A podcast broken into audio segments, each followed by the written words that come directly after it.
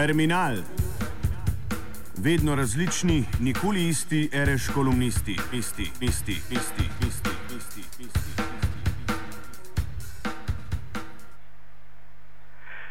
Slovenija je letos, ne da bi kdorkoli to opazil, naredil pomemben korak proti Hrvaški. Vendar se to ni zgodilo zaradi stopa Hrvaške v EU in prav tako ne zaradi predaje slovenskega proti memoranduma o meji s Hrvaško.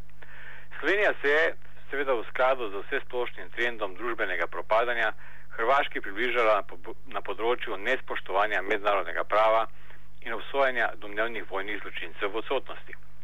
Po poročilih OZN je namreč Hrvaška samo do leta 1999 od 554 obsojenih za vojne zločine kar 470 oseb obsodila v odsotnosti. Sojenja in absencija so stališča mednarodnega prava v večini primerov dokaz za kršenje mednarodnih norm in pristranskega sojenja. Ali kot je leta 2012 v svojem poročilu o Hrvaški zapisala organizacija Human Rights Watch. Prvič, procesi, ki se vodijo v odsotnosti, so v nasprotju z načelom poštenega sojenja, kot določa mednarodno pravo, saj se obtoženi ne more učinkovito braniti pred sodiščem. Drugič, o večini obsojenih bo moralo biti razsojeno še enkrat, če se bodo znašli pred sodišči. Sojenje v odsotnosti so zato predvsem medijski spektakli ter sredstvo za podžiganje nacionalizma. In točno na to pot je stopila tudi Slovenija z nedavno obsodbo v Murski soboti. Slovenija je namreč po več kot 22 letih od osamosvojitve v procesu, ki se je vodil v odsotnosti, končno obsodila svojega prvega vojnega zločinca, polkovnika Berislava Popova, ki je bil v senatu, ki mu je predsedoval Branko Palatin, obsojen na petletno zaporno kazen zaradi domnevnih zločinov v Gorni Radgoni. Sodišče v Murski soboti je istočasno oprostilo njegovega poveljnika, generalmajorja Vlada Trifunoviča. Oba je obtožnica bremenila, da ste v času, ko je Berislav Popov med 27. junijem in 3. julijem leta 1991 vodil 32. motorizirano brigado iz Varaždina do Gorne Radgone, v oboroženem spopadu med SFRJ in Republiko Slovenijo delovala nasprotju s pravili mednarodnega in vojnega prava. Kriva naj bi bila za smrt dveh civilistov zaradi povzročene materialne škode in zato, ker nista preprečila ropanja civilnih objektov. Omenjena sodba se sicer lepo poda v splošno sprejete in mitološke predstave o tem, kako je potekalo osamosvajanje Slovenije. Vendar pa nekoliko bolj podrobna analiza hitro pokaže, da je s tem procesom narobe vse, od temeljev, na katerih stoji, do obsodbe, ki ne zdrži resne kritike. Sodišče je prvo napako naredilo že s tem, ko je napačno uporabilo mednarodno pravo in ocenilo, da je Slovenija že z dnem razglasitve samostojnosti postala mednarodno priznana država. Slovenija je res postala priznana država, za šele več mesecev po opisanih dogodkih. Delno priznanje je dosegla šele januarja leta 1992, splošnega pa aprila istega leta, zato so določila mednarodnega prava, na katera je sodišče uprlo svojo obsodbo, v tem primeru neveljavna. Druga težava je ugotavljanje dejanskega stanja in določanje tega, kaj je in kaj ni vojni zločin.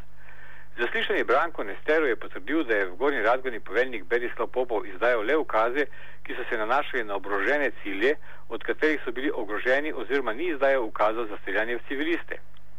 Vlado Postolovski pa je na podoben način povedal, da je nastal pekel, ko so prišli v Gorno Radgono, ter da so z vseh strani, z vsemi sredstvi, iz vse mogoče avtomatske oborožitve, mogoče tudi občani, začeli streljati po koloni.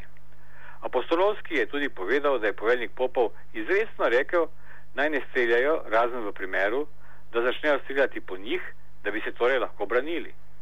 Pri sodišču se je pojavil tudi poveljnik območnega štaba TO v Ljutomeru Ljubo Dražnik, ki je pojasnil, da je eden od osto streljcev TO v Gorni Radgoni zadev voznika tovornjaka JLA iz okna hiše, v kateri se je nahajal in to tako, da je streljal proti prihajajoči koloni. Na to se je del kolone ustavil in, kot je dejal, v tistem trenutku so prostovoljci iz posebne skupine, ki so se nahajali v bližini zgradbe občine, metali molotovke in predvsej vozil zažgali.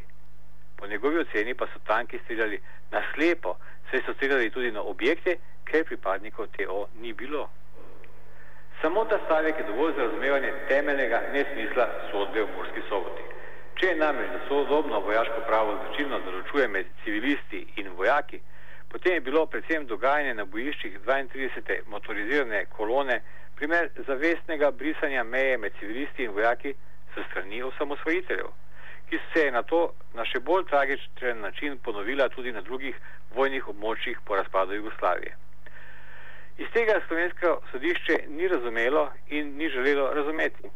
Sodišče prav tako ni razumelo temeljnega pravila mednarodnega vojnega prava, po katerem se vsi objekti, pa ne bodo civilni, sakralni ali drugačni, v primeru, ko se uporabijo v vojaške namene, spremenijo v vojaške cilje.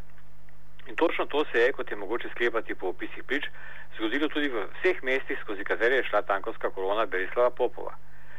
Tankovska kolona je bila torej sredi mesta napadena z vseh strani. Napadali so jo vojaki, policisti in civilisti. Kolona je odgovarjala z ognjem. Toda sedaj, ko se je spopad končal, je slovensko sodišče v svoji kozlovski sodbi v Murski soboti za obe strani po že končanem spopadu postavilo nova pravila. To, da so kolono napadali sredi mesta in iz civilnih objektov, je ocenilo kot nepomembno in v nikakršni zvezi s tem, da je vojska streljala po teh istih objektih in med drugim stopovskim izstrelkom sklatila tudi vojaški zvonik, iz katerega so jo opazovali pripadniki TO. Skratka, TO in policija sta imeli po oceni slovenskega sodišča pravico uporabiti vsak civilni objekt za svoj zaklon in se skrivati za njimi, do napadov so imeli pravico celo civilisti, vojska pa je imela po svoji oceni pravico samo do tega, da strelja v tiste objekte, v katerih so res bili pripadniki uniformirane strani v spopadu. Vse ostalo naj bi bilo vojni zločin in neselektivni ogen, za njega pa naj bi bila kriva vojska. Tudi za smrt dveh civilistov, ki sta si iz zadovednosti ogledovala spopade in so jih zadele zabodele krogle.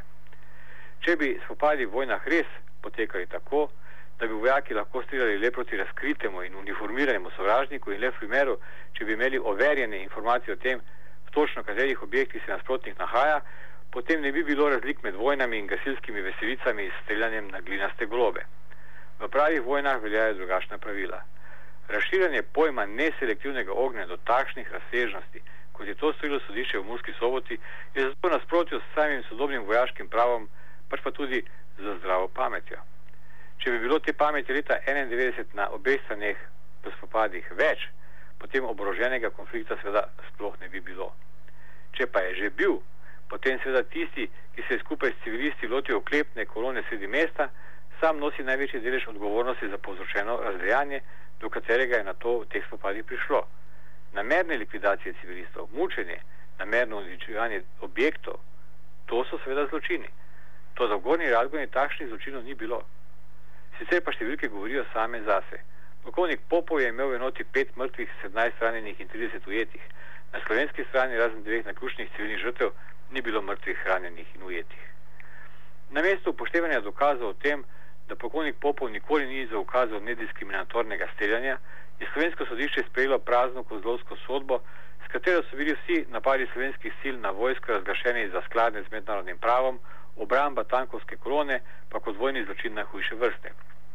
To je sodba, s katero na koncu pravzaprav nihče ne bo zadovoljen. Slovenska oblast sodbe ne bo mogla izvršiti, Popovu je bila poteptana pravica do poštenega sojenja in obrambe, Slovenija pa se je v Evropi s to sodbo na simboličen in praktičen način zgolj približala ostalim državam regije, ki jih evropske institucije redno kritizirajo zaradi nezakonitih sojen v odsotnosti. Sojenje Popovu in Trifunoviču je zato predvsem velika sramota za Slovenijo. V originalni Jurčičevi kozlovski sodbi v Višnji gori iz leta 1867 je bil kozl zato, ker se z zeljem ni mastil, pa bi se rad mastil, ker je čez plot gledal, pa ni mogel čez plot, obsojen, da bo po svoji senci tepen z devetimi udarci.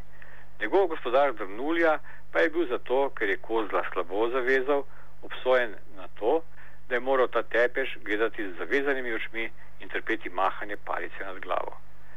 Vse kaže, da je skoraj po dveh stoletjih slovensko pravosodje še vedno na isti ravni, ki jo je opisal Jurčič. Kajti podpokojnik Popov je bil zato, ker ni ukazal neselektivnega ognja, vendar bi ga lahko ukazal, ker je proti meji šel, vendar na meji ni mogel ostati, obsojen na pet let zapora, ki ga nikoli ne bo odslužil. Njegov poveljnik pa je bil obsojen, da zavezanimi rokami nekaj let opazuje mehanje, mahanje s časopisnimi članki slovenskih domoljubnih novinarjev nad svojo glavo. Vse do salamonske obsodbe, s katero je bil razglašen za nedolžnega, za povsem isti zločin, ki ga tudi Berislav Popov nikoli ni storil. Terminal je pripravil Igor Mekina.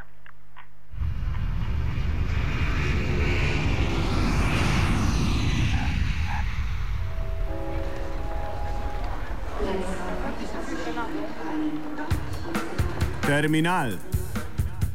Vedno različni, nikoli isti, reš kolumnisti, isti, isti, isti, isti. isti.